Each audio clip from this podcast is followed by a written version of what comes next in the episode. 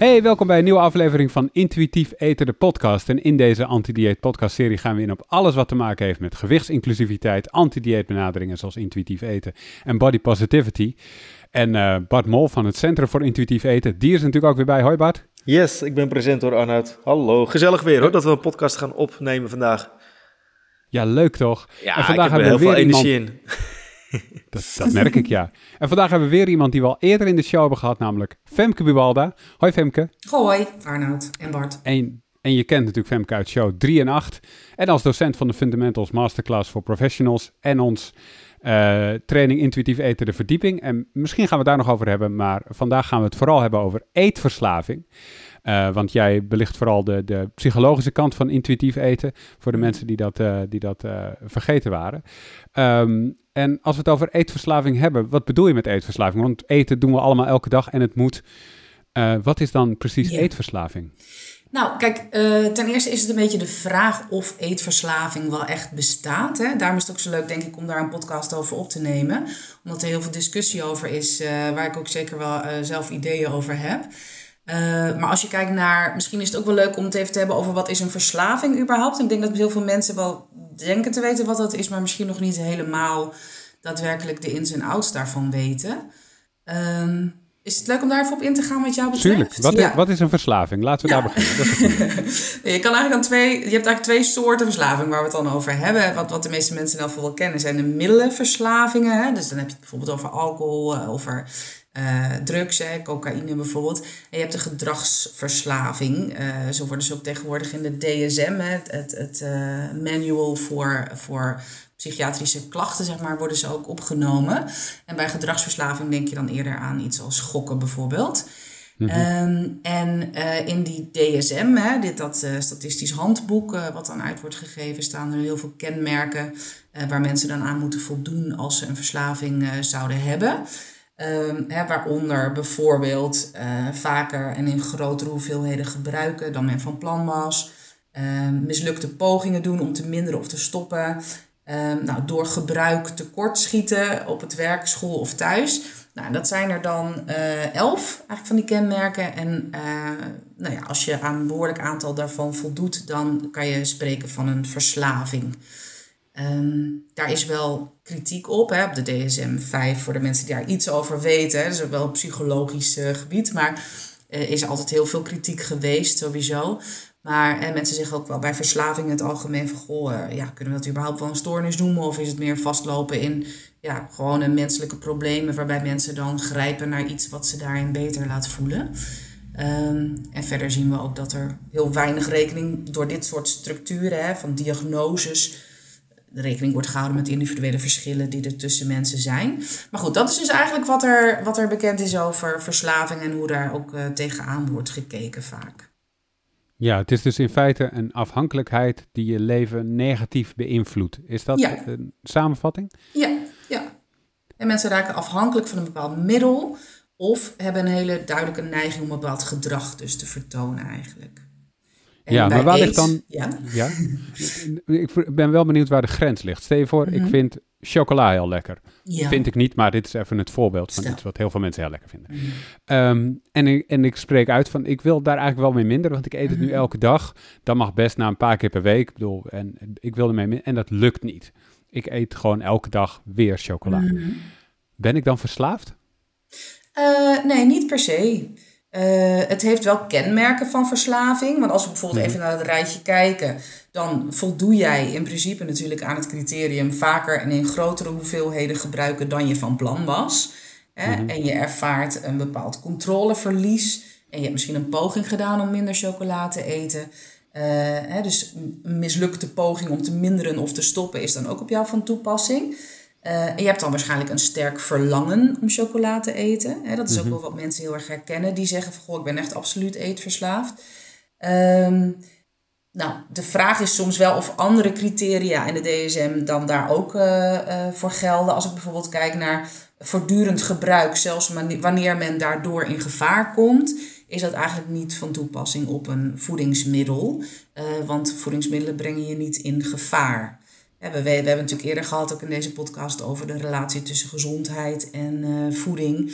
Ehm, en, en dik zijn, zeg maar. Hè? Dus de gevaar is eigenlijk niet van toepassing. Um, voortdurend gebruik, uh, ondanks dat het gebruik lichamelijke of psychische problemen met zich meebrengt, dat zijn ook niet van die dingen die echt heel erg voor jouw gebruik van chocola, zeg maar, van toepassing zou zijn. Maar mensen ervaren wel dat gebrek aan controle inderdaad heel erg, hè, als uh, het gaat over eten. Um, En ja, in principe zou je dan een diagnose kunnen stellen. Hè. Mijn, mijn standpunt is ook niet per se dat uh, eten per definitie niet um, verslavend is. Of nou, eten is niet verslavend, maar mensen kunnen inderdaad wel heel erg het idee hebben dat ze eraan verslaafd zijn. dus er zitten, zitten heel veel haken en ogen eigenlijk aan om het op die manier te benaderen. Ja, wanneer gaat het wel de grens over wat jou betreft? Dat je zegt, nou, dit is wel echt een eetverslaving? Of, of nou, nooit eigenlijk. Nee. Want uh, daarvoor zijn er ook weer te veel dingen die heel anders zijn als het gaat over eten. Uh, en, en onderzoek wijst dat ook wel uit. Zo heeft eten bijvoorbeeld niet, uh, net als de andere middelenverslavingen in elk geval, niet ook bepaalde psychologische of neurobiologische effecten. Uh, hè, uh, het is niet zo dat je bij, bij, drugs word je high, zeg maar. Hè? Mm -hmm. of, of, of kalmeert het heel erg juist. Uh, en eten heeft op zich niet die mogelijkheden om dat te doen. Een tweede belangrijk aspect is natuurlijk dat eten sowieso altijd gedaan wordt. En dat het een hele duidelijke, dat je lijf een biologische behoefte heeft aan eten. en dat dat niet zo is voor die andere middelen waar je verslaafd aan kunt raken. Um, hè, dus er zijn zeker hele duidelijke verschillen ook, waardoor ik altijd meer in het kamp zit van uh, eten is geen verslaving. Um, en en uh, de andere middelen zou je dan wel meer een verslaving kunnen noemen. Yes. Hoe zou je dat dan, dan typeren? Als iemand zegt van ik ben eetverslaafd, dan zeg jij van je bent niet verslaafd, maar hoe, ja. hoe noem je dat dan wel? Nou, ik vind het altijd wel, ik, ik zie dat in mijn praktijk natuurlijk heel vaak, hè, dat mensen hier komen en zeggen van, goh, ik ben echt verslaafd aan eten. Dat is ook de beleving die mensen hebben. En dan denk ik ook, het is natuurlijk altijd heel belangrijk om dat serieus te nemen, want mensen hebben ook daadwerkelijk echt heel erg het gevoel dat dat zo is. Uh, en het belangrijkste voor hun zit het hem dan in dat controleverlies, heb ik de indruk. En dat ze ook zien, een craving is natuurlijk ook wel een term die bij verslaving heel erg naar voren komt. Die is aanwezig en dan volgt daar controleverlies op. Wat ook heel gangbaar is, ook binnen verslaving hoe dat gaat. En uh, daarna ervaren mensen die verslaafd zijn ontwenningsverschijnselen. Is ook weer zo'n verschil in elk geval met uh, eetverslaving, hè, zoals mensen dat dan in de volksmond wel zouden noemen. Maar mensen hebben wel bijvoorbeeld veel spanningen, onrust, vinden dat ze het niet hadden moeten doen. Maar het verschil zit hem dus heel erg ook in die, dat maatschappelijke idee van dat je dat niet zou moeten doen. Zeker als je wat dikker bent, uh, is het um, de bedoeling dat je afvalt. Is het de bedoeling dat je op een bepaalde manier met eten omgaat. En dan krijgen we het over restrictie. En wat dus ook een belangrijke term is binnen intuïtief eten. Um, en dan heb je lichamelijke restrictie, dat mensen um, een bepaald voedingsmiddel van zichzelf niet mogen. En je hebt mm -hmm. mentale restrictie, dat mensen vinden dat ze iets niet mogen. Dat ze denken, ook als ze iets aan het eten zijn, van ik zou nu moeten ophouden hiermee. En dat zijn twee dingen die, denk ik, bij algemene verslavingen gelden, maar bij um, eten heel duidelijk. Zeker bij bepaalde groepen mensen, zoals dikkere mensen dus, um, die altijd te horen hebben gekregen dat ze dat moeten controleren, dat ze daar minder van moeten eten, dat het ongezond is, dat het niet goed voor ze is. Dus de restrictie zit heel duidelijk een rol te spelen binnen wat wij dan eetverslaving zouden kunnen noemen.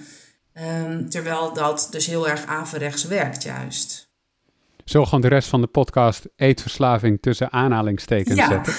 dat lijkt me goed. Want ik merk duidelijk dat je achter de term niet helemaal staat, nee. maar dat je het probleem wel herkent en, en, ja. en vaak ziet. En um, als mensen naar je toe komen en zeggen ik ben eetverslaafd, mm -hmm. um, wat voor voedingsmiddelen gaat het dan om? Dat zijn neem ik aan niet aardappelen en spinazie en zo. Nee. nee, maar dat zijn ook niet de dingen die mensen zich verbieden. Het zijn altijd de dingen die mensen, waarvan mensen het idee hebben dat mag ik eigenlijk niet eten. Dat is slecht, het is ongezond. Dus uh, taart, chips, koekjes, suiker zelf hè, is, een, uh, uh, is iets waarvan mensen ook denken. En dat is in de volksmond denk ik misschien nog de meest, hè, dat wordt ook echt een verslavende substantie genoemd. Uh, en dat, dat, is wel leuk om dan aan te geven. Een, een literatuurreview is daarvan uitgekomen. Het is een onderzoek waarin heel veel andere onderzoeken worden besproken in 2016. Waarin heel duidelijk wordt aangegeven van nee, dat is echt niet hoe we daar tegenaan kunnen kijken. Want wat we zien hoe dat dan onderzocht is, is dat bijvoorbeeld ratten, het is heel vaak dierenonderzoek ook waaruit dat dan blijkt, mhm. ehm, dat ratten uh, ondervoed worden, dus heel lang geen eten krijgen. En dan vervolgens aanvallen op die suiker. Uh, en dan denk ik, ja, logisch dat dan wordt geconcludeerd dat die ratten verslaafd zouden zijn aan suiker. Maar het is een hele logische biologische reactie natuurlijk op ondervoed zijn. Dus die restrictie zie je daar ook weer als, als um, mechanisme optreden. Um, ja, nou ben ik je vraag even kwijt, sorry. Dan ging ik even naar, die, naar dat onderzoek. Ja, ik zit, ik zit ook wel bij dat suiker, want ik, ik, ik, leefde ook in de veronderstelling dat suiker inderdaad wel echt een biologisch verslavende stof was. Maar jij zegt dus, nee, dat is onzin, dat, dat is gewoon niet aangetoond. Nee, en ik kan het artikel ook even linken hoor. Of een linkje naar het artikel in elk geval voor de mensen die dat misschien interessant vinden om, uh, om dat na te lezen. Want dat is inderdaad wel iets wat je heel vaak hoort. Als je zegt, en dat hoor ik ook wel van gewichtsneutrale collega's, hè, dat als je zegt uh, suiker is niet verslavend, dan uh, uh, vinden mensen daar over het algemeen wel wat van. Omdat dat iets is wat, wat eigenlijk heel erg voor waar wordt aangenomen. En ja. um, waar mensen ook van denken, of zijn gaan denken, net als dat suiker hyperactief zou maken. Dat is ook niet wetenschappelijk bewezen.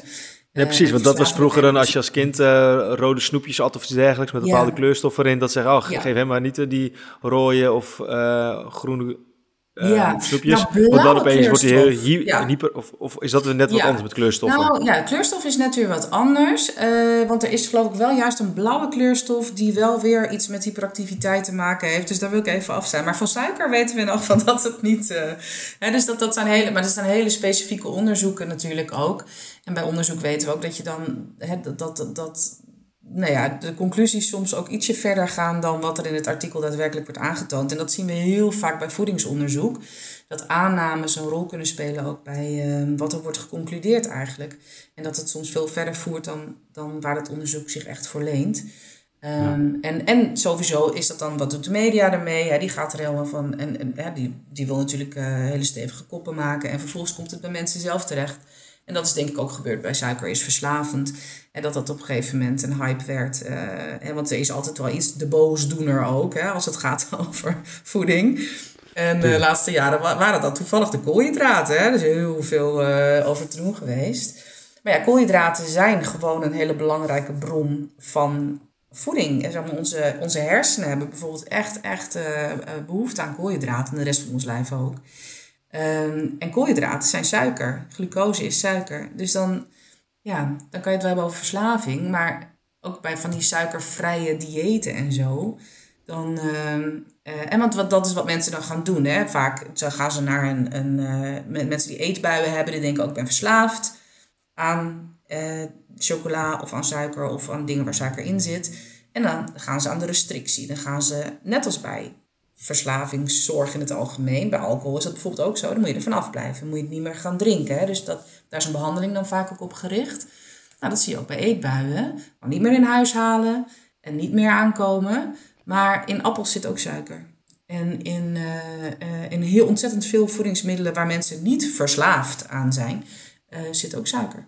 Dus dan denk ik ook van, en uiteindelijk wordt dat in ons lijf op precies dezelfde manier um, verwerkt. Er zijn verschillende soorten suikers, maar de moleculen worden op dezelfde manier uh, uh, in het bloed opgenomen uiteindelijk. Um, en dan zie je die verslavingsaspecten dus helemaal niet terug. Ja, suiker is suiker. Dat is, uh, dat ja. is, maar waar, waar, komt het vandaan? Zeg maar, als mensen het idee hebben dat ze eetverslaafd zijn en daadwerkelijk problemen hebben met bepaalde soorten voeding, waar komt dat vandaan? Nou, ik denk dieetcultuur. Uiteindelijk hm. gewoon. Hè? We hebben het heel vaak over dieetcultuur natuurlijk. Ja. Dieetcultuur en intuïtief eten liggen heel dicht bij elkaar. Of intuïtief eten komt voort uit eigenlijk een soort van tegenreactie of zo op uh, dieetcultuur. Um, mensen willen controle uitoefenen over wat ze eten. We hebben uh, van jongs af aan geleerd dat dat de bedoeling is. Zeker als je wat dikker bent, uh, hè, dan is het de bedoeling om uh, je voedsel te controleren. En, uh, maar ook hè, als je dunner bent, dan wil je dat behouden. Hè. Dus, dus de dieetcultuur raakt iedereen wat dat betreft. en um, voedsel, koolhydraten leveren behoorlijk wat calorieën. Uh, net als vetten. En dan zie je vaak dat de verslavende middelen, zeg maar, als het gaat over eten, dat dat dan de, de dingen zijn met veel suiker en veel vet. Maar dat zijn ook de dingen die heel erg gedemoniseerd zijn. Hè? Waar we heel erg naar kijken van ja, dat moet heel af en toe. En dat mag natuurlijk niet heel vaak. Hè? Koekjes en taart en, en dat soort dingen. Daar zit die combinatie, donuts, hè, zit die combinatie heel erg in. Van, van vet en van suiker. Ehm, en waarbij mensen dan denken van ja, daar moet ik dus van afblijven. Dat hebben we geleerd, dat is dieetcultuur eigenlijk. Ja, en ik, ik wil nu toch even je fictieve um, cliënt spelen. Mhm. Ehm, met uh, een chocoladeverslaving, uh, zeg ik weer tussen aanleidingstekens. Ik kom bij jou. Um, wat gaan we daaraan doen? Wat zeg je dan tegen mij? Wat moet ik doen? Wat voor oefeningen zijn er? Wat, wat, wat, wat gebeurt er dan? Ja, nou, wat ik je dan wil aanraden, en dat is allemaal vanuit intuïtief eten, de methode, is dat je vriendschap sluit met chocola. Dat je chocola gaat zien als gewoon een voedingsmiddel waarvan jij mag eten zoveel je wil, wanneer je wil en uh, uh, wat je wil aan variaties en, en, en dergelijke. Um, om dus die restrictie, ik, ik, ik illustreer het altijd als soort slinger, zeg maar, beweging richting mijn cliënt. En dan zeg ik van als je heel erg probeert om geen chocola te eten. Dus nou, laten we dat eens doen als fictieve cliënt. Zeg van oké, als je heel erg. Wanneer is de laatste keer dat je hebt geprobeerd om van chocola af te blijven? Drie weken geleden. Drie weken geleden. En hoe werkte dat? Dan stond je op en hoe dacht je dan over chocola de rest van de dag bijvoorbeeld? Nu, nu moet ik me erin leven, maar ik kan me dan voorstellen dat als je dan zegt van ik wil geen chocola meer eten, dat je daar de hele tijd bij stilstaat. Dus dan, dan denk je erover na, dan denk je waar is het in huis? Het moet niet in huis liggen. Ik moet het mhm. dan uh, bijvoorbeeld weggooien of zorgen dat iemand anders het heeft opgegeten. Als ik boodschappen ga doen, moet ik niet door die straat heen lopen, want dan word ik misschien weer verleid. Ja. Uh, als ik ergens ben, op school of werk of, of, of in het openbaar vervoer, dan moet ik zorgen dat ik er zo min mogelijk dat ik het zo min mogelijk zie. Ja. Zijn dat gedragingen die je ook hoort van mensen? Ja, en daarmee trek je dus eigenlijk zo'n slinger heel erg naar links. Hè. Ik vind heel erg mee bezig. Ik moet me vandaag goed gedragen. Ik moet er niet aankomen. Ik moet niet, uh, het liefst niet aan denken. Want dan, hè, en dat is, nou ja, dat is niet lang houdbaar. Die slinger helemaal naar links vasthouden. En wat er dan gebeurt is, hoe verder die slinger naar links is, hoe meer jij het jezelf ontzegt hebt hoe meer hij naar rechts zwiept op het moment dat je die controle, dat je dat controleverlies ervaart. dat kan een stressvolle dag zijn, het kan een baas zijn die, die vervelend tegen je deed. Het kan gewoon ook heel erg zijn dat je te weinig koolhydraten hebt gegeten op die dag, hè, suikerware koolhydraten. Mm waardoor je, en wat gebeurt er dan als die slinger helemaal naar rechts is? Hoe reageer je dan met je chocolagebruik? Ik neem aan dat ik dan uh, drie repen inkoop en die binnen een uur heb opgegeten. Ja, vermoed ik. Precies. Ja. En hoe reageer je daar dan vervolgens op, als je dat hebt gedaan? Ik kan me dan voorstellen dat je enorm uh, rot voelt over jezelf. Een beetje schuldig misschien wel. Zo van, dit had ik echt niet moeten doen. Ja. Uh, wat, zijn, wat zijn dan de meest extreme gevoelens die kunnen opkomen? Wat, wat, wat hoor je dan terug van inderdaad, schuldgevoel, uh, walging. Dat, dat kan hele heftige vormen aannemen. Dat mensen echt van zichzelf denk ik, heb ook helemaal geen wilskracht en uh, uh, het gaat nooit lukken. Dus ook heel erg doemdenken over de toekomst. Um, en, en wat je dan merkt is dat mensen dan op een gegeven moment toch weer al hun energie bij elkaar rapen. Want eigenlijk mensen die lijnen zijn juist heel wilskrachtige mensen. Uh, mm -hmm. hè, want die gaan, die gaan er steeds weer voor. Dus die rapen alles bij elkaar en trekken die slinger weer naar links. Morgen ga ik echt, dit had nooit moeten gebeuren, ik ga nooit meer chocola eten. Uh, dit, dit is echt heel slecht, het is ongezond, het is gevaarlijk. Hè? Mensen kunnen dat toch ook wel, uh, dat, dat van het is heel slecht voor mijn lijf. Uh, dus die slinger gaat weer links. Maar wat krijg je dus? De hele posterbeweging. Hele poos heen en weer tussen extreme restrictie en eetbuien. Kun je hebben. Mensen zitten er ook wel wat meer tussenin. Dat die slinger iets nou, minder heftig heen en weer beweegt. Um, maar dat vriendschap sluiten met eten, waarbij mensen dan denken, ja dan eet ik tot, tot in de eeuwigheid alleen maar chocola. Uh, Moeten mensen achterkomen dat dat niet gebeurt. En dat gebeurt ook eigenlijk nooit als mensen daar echt um, uh, die vriendschap echt kunnen ervaren met alle voedingsmiddelen die er zijn. En die toestemming aan zichzelf helemaal geven om dat uh, te eten. Uh, dan merk je dat die slinger kalm in het midden hangt. Een beetje schommelt wel. Ik bedoel, gaan altijd momenten zijn dat je ik veel, als je ongesteld bent of zo, dat je dan meer, dat geldt dan niet voor jou, maar als dat zo is, hè, dat je dan wat meer behoefte hebt, behoefte die fluctueert sowieso. Mm cravings zijn er dan ook wel. Er zijn momenten dat je echt heel veel zin hebt in chocola. En andere momenten dat je denkt, nee, vandaag wil ik eigenlijk liever een, uh, een appel als tussendoortje. Um, en op het moment dat je dat ervaart, dan is die hele verslaving weg. Dus wat dat betreft is intuïtief eten, als je het vergelijkt met behandelingen voor andere verslavingen.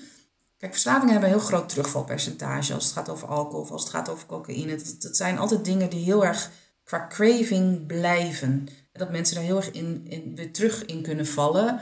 Ehm, en bij intuïtief eten zie je dat als die vriendschap met voedingsmiddelen gesloten is, dat die craving dan een ander niveau heeft. Zodat je dan denkt van, oh ja, nou ja, ik kan het eten, het ligt in de kast, ik mag het van mezelf. En dan merk je dat die restrictie de drijvende kracht was achter dat verslaafde idee of dat verslaafde gevoel. Ehm, maar mensen moeten daar komen en, en dat is juist ook het, het lastigste aspect, denk ik, binnen intuïtief eten. Dat merk ik ook uh, in, in mijn uh, begeleidingen. Um, mensen zijn er van tevoren heel bang voor, want die denken, ja, dat gaat natuurlijk helemaal niet werken en uh, oh, dan, dan ga ik dat alleen maar doen. Um, maar dat is dus niet wat je ziet. Je ziet wel zo'n soort hoera-periode van yes, ik mag alles eten wat ik wil. Ah, dan wordt er meer chocola gegeten over het algemeen als dat het mhm. voedingsmiddel was. Maar daarna zie je dat dat uh, hele andere vormen gaat aannemen. En dat mensen denken, oh ja, ik had dat nog liggen. Dat, dat opeens dan zo'n soort openbaring komt van... ik heb dus al drie weken een reep in mijn kast liggen... en ik heb er niet eens aan gedacht. en dat, ja, dat mensen kunnen zich van tevoren bijna niet voorstellen dat dat gaat gebeuren. Maar dat gebeurt wel. Want hoe kom je daar? Wat, wat is het eerste wat je zegt tegen mensen? Wat is de eerste oefening die je meegeeft als je een oefening meegeeft? Nee, het belangrijkste vind ik wel om eerst te bedenken van is er sprake van te weinig voeding? want dat mhm. houdt, die, die, lichamelijke restrictie houdt dat, dat, die onrust omtrent eten heel erg in stand. Dus dan kijk ik wel van, goh, is er een, is er een voedingspatroon? Hè? Mensen, krijgen mensen voldoende van alle macronutriënten, hè? dus eiwitten, vetten en uh, koolhydraten binnen? Want hè, als er een koolhydraatbeperking is, ook echt lichamelijk gezien, dan gaat je lijf daar gewoon om vragen. Want het is, ons lijf heeft voorkeur voor koolhydraten als brandstof. Dus um, nou, en dat kan dan eerst een oefening zijn die mensen mee naar huis krijgen. Uh, om hè, op momenten dat hè, mensen doen bijvoorbeeld wel aan dat intermittent fasting en zo. Nou, dan is er vaak mhm. eigenlijk gewoon sprake van te weinig uh, voedingsstoffen die binnenkomen. Um, of heel onregelmatig in elk geval. Uh, hè, waarbij mensen die termijn op proberen te rekken dat ze niet eten. En dus als dat dan vervolgens wat rustiger is, door, echt door bijvoorbeeld drie maaltijden, goedvullend, verzadigend, hè, waar mensen genoeg aan hebben, eh, wat ze ook graag willen eten. Dus van tevoren ook kijken naar van waar heb ik echt zin in. Met ook tussendoortjes hoor, als mensen dat willen. Maar dat, dat is dan eigenlijk de basis. En dan eh, kan je daarna verder met echt gewoon vriendschap sluiten, letterlijk. Dus datgene waar je bang voor bent, of datgene waar je altijd die restrictie op hebt toegepast, gaan halen en, en met aandacht gaan eten. Uh, en op te merken van wat voel ik hierbij, wat denk ik hierbij. Um, hoe lang, hoeveel eet ik hiervan? Wanneer krijg ik echt het gevoel dat ik moet stoppen of wil stoppen? Wanneer zit ik vol? Weet je, dat dan, zijn dan dingen waar mensen dan echt mee kunnen oefenen. En dan, nou, dan kun je dat allemaal tegelijk doen. Dat heb ik een beetje gedaan toen ik uh, begon met mijn intuïtief etenproces. heb ik alles in huis gehaald waarvan ik dacht, dat mag ik nooit. Nou, toen had ik een hele duidelijke hoera-periode en daarna stabiliseerde. Uh, in het boek, Intuïtief Eten, um, wordt het per stapje gedaan. En dat is wel wat rustiger, hè, want dan heb je niet al die emoties die er dan omheen kunnen zitten. Dat je toch weer wat schaamte ervaart of wat schuldgevoel. Ja, dus dat het heel gestructureerd eigenlijk um, wordt gedaan. En hoe, nee, laat ik het zo vragen. Komt iedereen er vanaf? Het, het idee van eetverslaving? Nou, kijk, niet, niemand het is nooit, het geen, enkel, geen enkele begeleiding, geen enkele methode is 100% eh, effectief. Er is wat dat betreft ook helaas nog echt weinig lange termijn onderzoek gedaan naar hoe goed intuïtief eten werkt als het bijvoorbeeld gaat over zo'n eetverslaving. Daar moeten we ook gewoon eerlijk over zijn. Het is niet dat het, uh, het bestaat al langer, de methode intuïtief eten, maar in Nederland is dit natuurlijk nog relatief onbekend. Er zijn er nog niet zoveel mensen die, uh, die daarmee bezig zijn. Het leuke is wel dat ik trouwens een student ga begeleiden die onderzoek wil gaan doen naar uh, ervaringen van mensen met intuïtief eten. Als primeurtje. Oh, Heb ik gisteren nog met haar over gebeld. Uh, van een voeding- en diëtetiekopleiding. Um, ja, dus er wordt wat omheen gedaan. Ehm, maar ja, ik, ik, ik durf daar zo even geen uitspraak over te doen in hoeveel procent van de gevallen um, uh, dat heel erg werkt. Ik zie het in mijn praktijk in elk geval wel. Dat dat, ik ben zelf daar ook levend uh, bewijs van, zeg maar, dat je die rust, die rust en kalmte omtrent eten kunt vinden nadat je een leven lang hebt gelijnd. Um, en ik hoor dat van, van heel erg veel mensen, dat, dat, dat die rust en die kalmte er is op een gegeven moment, terwijl mensen dat eigenlijk nooit van zichzelf hadden verwacht. Um, maar wat de cijfers precies zijn, dat moet ik helaas, dat antwoord moet ik je even schuldig blijven. En ik wil toch ook even naar Bart toe, want in eerdere afleveringen uh, van deze podcast hadden we het gehad over uh, ijs.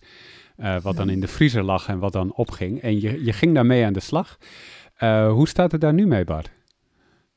Nou ja, als je kan spreken over goed of zo. het is in ieder geval dat ik het wel herkende wat Femke net zei. Dat mijn uh, ijs die ligt nog steeds in de, de vriezer eigenlijk. dus uh, ik heb wel één keertje, dat, maar het is meer dat ik er voor mezelf mee speel. Dat je er bewust van bent. Dat je denkt, oh ja, als je een keer een slechte dag hebt gehad of zo. Of dat je denkt, oh ik ga nu lekker een serie kijken. Ik pak ijs en ik ga gewoon lekker eten. En dan heb ik daarna ook uh, wel een goed gevoel overigens. Heb ik niet een slecht gevoel dat ik denk, oh ik had het niet mogen nemen. Maar het is wel dat ik, hij, hij, ligt naast het brood. Dus ik zie het elke dag. En dan elke dag dan dan uh, kijkt hij me lachend aan van pak me, pak me. En dan denk ik, oh ja, nee, ik heb eigenlijk brood nodig, dus doe ik hem weer dicht. En dan denk ik ook helemaal de rest van de dag ook helemaal niet over na. En mhm. nee, dat het nu even dus niet in die fase zit. Ja. Slinger hangt mooi in het midden dus. Ja, eigenlijk wel, ja. ja, maar wat, wat ik wel belangrijk vind om misschien nou even aan te mogen toevoegen is... mensen denken ook wel eens van hè, dat, dat, dat het op een gegeven moment dan klaar is. Hè? Bij jou dan ijs, bij Arnold dan chocola of fictief hè, chocola in elk geval... Um, dat, dat is dan ook weer niet zo. Het is wel onderdeel dan echt van het eetpatroon. Of dat hoor ik dan van mensen ook wel van uh, je eet het gewoon. Ik heb hier dus ook allemaal dingen in de kast liggen waarvan ik eigenlijk nooit had gedacht dat ik die in de kast zou kunnen hebben. Omdat het dan in één keer op moest of weg. Um, maar ik eet het wel. Dus het is niet zo. Dat zijn mensen soms toch wel een beetje teleurgesteld over. Of dat is anders dan ze van tevoren hadden verwacht. Van oh, ik dacht eigenlijk dat intuïtief eten er dan voor ging zorgen dat ik echt wel juist alleen maar zin zou hebben nog in gezonde dingen. Dan hebben ze toch een beetje dat zwart-witte idee nog in hun hoofd van gezonde dingen. Dat ik denk van nee, het is, je hebt uiteindelijk toch, hè, je vindt ijs lekker, je vindt chocola lekker, je vindt chips lekker. Uh, het wordt onderdeel van, zeg maar, van het eetpatroon. Uh, en niet dat, het, um, uh, er, hè, dat, dat je er helemaal nooit meer zin in hebt. En dat de, de Ben Jerry's, of ik, ik, ik weet niet wat jouw ijsvoorkeur precies is, maar dat dat dan jarenlang in de vriezer ligt en weggegooid wordt. Want eh, dan, dan lijkt het ook weer een beetje op restrictie bijna. Van ik mag het niet of uh, ik hoef het niet of ik zou het eigenlijk toch niet moeten willen. En dus dat is altijd wel zo'n soort subtiel iets of zo waar ik altijd even extra alert op ben. En elk ook bij mijn cliënten. Van je mag het gewoon eten. Dat was vriendschap met eten, sluiten met eten. Is dat het onderdeel wordt van je eetpatroon. Ja, wat ik alleen nog wel, dat is een beetje zijdelings, wat ik dan wel soms nog ervaar, is dat ik ook wel eens een keer uh, ijs heb gekocht, dat ik die smaak dan toch niet zo lekker vond als ik dacht dat ik hem zou vinden, dan staat er nog wel een tijdje. Dan vind ik nog wel moeilijk om hem weg te gooien. Dat vind ik nou ook op een bepaalde manier weer zonde. Dan denk ik van, nou, dan eet ik hem wel op. Terwijl ik er dan niet 100% echt innerlijk van geniet. Dus dat is het enige. Dat ik heb nog de keuze van, ja, ga ik het opeten? Terwijl ik het niet echt 100% lekker vind, maar zeg 70% lekker. Versus het weggooien. Dan vind ik dat weggooien toch eigenlijk toch nog wel gewoon zonde. Want zowel het geld als het product. Ja. Dus dat, maar zou je er wel haast zeggen, ja, gooi dan toch weg, want je geniet er niet 100% van? Of is in dit geval 70% genieten, is het ook goed? 100% genieten bestaat ook niet echt. Net als 100% succes en 100%. Kijk, intuïtief eten is ook heel praktisch. Hè? Het is ook gewoon. Ja, soms moet je het op je, op je kantoor doen met uh, boterhammen met een beetje zweterige kaas of zo. Is dat dan, dan je lunch van die dag? Want ja, dat had je s ochtends meegenomen. Heb je er echt zin in? Meh. Maar nou ja, hè, je moet eten. Dus, en of, of dat mensen gaan eten vlak voor een vergadering. Uh, terwijl ze eigenlijk nog niet echt honger hebben, maar drie uur in die vergadering gaan zitten en weten dat ze dan niet kunnen eten. Dus um, het is altijd ook die, dat zwart-witte waar ik heel alert op ben bij cliënten. Want dat is wat we geleerd hebben. Diëten moeten wel perfect. Diëten moeten op een bepaalde manier en dan bereik je iets bepaalds. Intuïtief eten, daarvan is het eigenlijk van doe vooral heel flexibel. Uh, je hebt allerlei redenen om te eten. Je hebt een reden, nou, je wil niet iets weggeven, dus een reden kan zijn, of eh, weggooien. Een reden kan zijn duurzaamheid. Ik heb er geld aan uitgegeven. Uh, iets dergelijks. Hè. Dus, en dat zijn prima redenen om ook iets te eten. Het is juist die strengheid en mhm. dat ik mag dit niet of ik moet dat wel, wat, wat uh, ja, het, het, het lastige is soms aan, aan hoe mensen met eten omgaan. En intuïtief eten is dus daar juist een, een, flexibiliteit in toepassen, is daar het belangrijkste in. Het zoeken naar balans. Het, het, het, is wel grappig dat je dat zegt inderdaad, want dat doet me denken aan wat ik afgelopen weken uh, ervaren ehm, op kantoor. Dat ook een, een nieuwe collega zei van, oh, ben jij een theejongen? En dat was zo nog in de ochtend. Ik dacht, thee, jongen? Nee, ja, ik drink thee of koffie, ja. Toen mhm. dacht ik eigenlijk van, ja, nee, ik, ik heb nu gewoon trek in thee. En in plaats van... Maar toen dacht ik wel in een split second, oh ja, ik heb eigenlijk misschien al drie koffie op. Ik zeg, maakt het eigenlijk uit? Nee, weet je wat? Dus dat is op zich een soort van, echt supersnel dat je dat dus schakelt. Dat je denkt, dat het me een soort van overviel van BNT, jongen. Daar heb ik er nooit over na gedacht. Van nee, mhm. ik drink nu water omdat ik dat lekker vind. En misschien vanmiddag weer koffie. Het enige waar ik met koffie rekening hou is dat ik het niet na vier uur drink. Tegen de cafeïne. En dat ik dan weet dat ik gewoon s'avonds... Uh, ja, althans, ik denk dan dat ik er gewoon minder goed mee in slaap kan vallen. Sommige mensen die drinken om 8, 9 uur s'avonds gewoon nog uh, koffie met cafeïne. En die kunnen alsnog een uur later naar bed gaan en zo in slaap vallen. Uh, mijn ervaring is, denk ik, dat ik wel na een bepaald tijdstip... als ik dan nog koffie of cappuccino iets dergelijks heb gedronken dat ik dan gewoon minder goed in slaap kan komen. Maar uh, ik vond het wel grappig dat dan, hoe iemand er dan blijkbaar toch naar kijkt van... je bent dus blijkbaar een theejongen of een koffiejongen of een waterjongen of een cola-jongen. Of, identiteit of zo. Ja, bijvoorbeeld. Oh, de, de, in ieder geval, ik merkte dat ik even op dat moment even dacht... hè, wat, wat bedoel je? Uh, nee, nou En dan kan cultureel ook van alles aan vast. Nou, dat, dat heb ik ook wel eens van iemand gehoord hoor. Die had, die had last van eetbuien. En die zei van ja, ik vind het gewoon eigenlijk gewoon niet heel mannelijk. Ik vind dat echt iets voor vrouwen om last te hebben van eetbuien. En toen dacht ik van ja, dat is natuurlijk wel ook iets waar je als, als man zeg maar, last van kan hebben. Uh, dat er allerlei stereotypen zijn over wat je als man hoort te doen. En, uh, en, en daar hebben wij als vrouw natuurlijk over wat je als vrouw hoort te doen. Um, en nou ja, dat, dat, dat voel ik hier ook een beetje bij of zo. Van dan ben je dus een theejongen, terwijl een koffiejongen misschien wel stoerder is of zo. Of, uh, nou, of dat je dus alles onder ja. zitten. Nou, precies. Of het, het, het is het uh, theemeisje. Terwijl bijvoorbeeld ook uh, op het gebied van intuïtief eten bestaat er ook een aanname dat het heel vaak juist de vrouw betreft. Of die wij daarmee bereiken. Maar het is juist dat we daar helemaal geen voorkeur bij hebben. Het is dus echt genderneutraal. Of je nou man, mhm. vrouw of wie dan ook. Mm dat, dat, ja, ja. dat het je toe aangetrokken kan zijn. Of in ieder geval dat je ermee bezig bent. Ja. Zie dat wij nou een bepaalde voorkeur hebben dat het met name iets is voor vrouwen. Nee, zeker niet. Nee, ik zie ook ik, ik zie, uh, uiteenlopende mensen erin. Inderdaad, alle genders uh, die, die komen langs. En um, iedereen kan hier heel gevoelig voor zijn. Ik denk, dieetcultuur raakt echt iedereen in onze maatschappij. Ook niet alleen dikkere mensen. Ik heb het natuurlijk heel vaak over dikkere mensen. of dikke mensen. Maar ook dunne mensen die, die worden daardoor. Uh, het is altijd een soort van norm of zo. En die norm is heel smal en is een bepaald ideaalbeeld. En um, ja, daaraan voldoen is, is praktisch onmogelijk.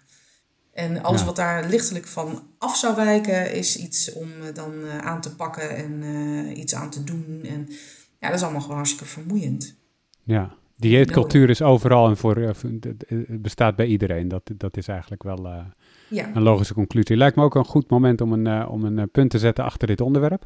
Zijn er nog dingen vanuit het Centrum voor Intuïtief Eten, Bart, die je even eh, onder de aandacht wil brengen? Nou, niet specifiek. Het enige is dat uh, het derde boek van Intuïtief Eten voor elke dag is uit sinds september. En ja, dat is eigenlijk gewoon ja, de, het, het, nieuwste boek. Dus dat is eigenlijk meer ook een, een instapboek, zou ik wel willen zeggen. Dat... Um, dat is een uh, pocket guide. Uh, het geeft uh, 365 dagen. Uh, geeft het eigenlijk een tip of een credo op het gebied van intuïtief eten. Dus je kan, ja, als je hem koopt, kan je eigenlijk gewoon op dat moment beginnen met dag 1. En dan ja, is het eigenlijk wel een goede introductie.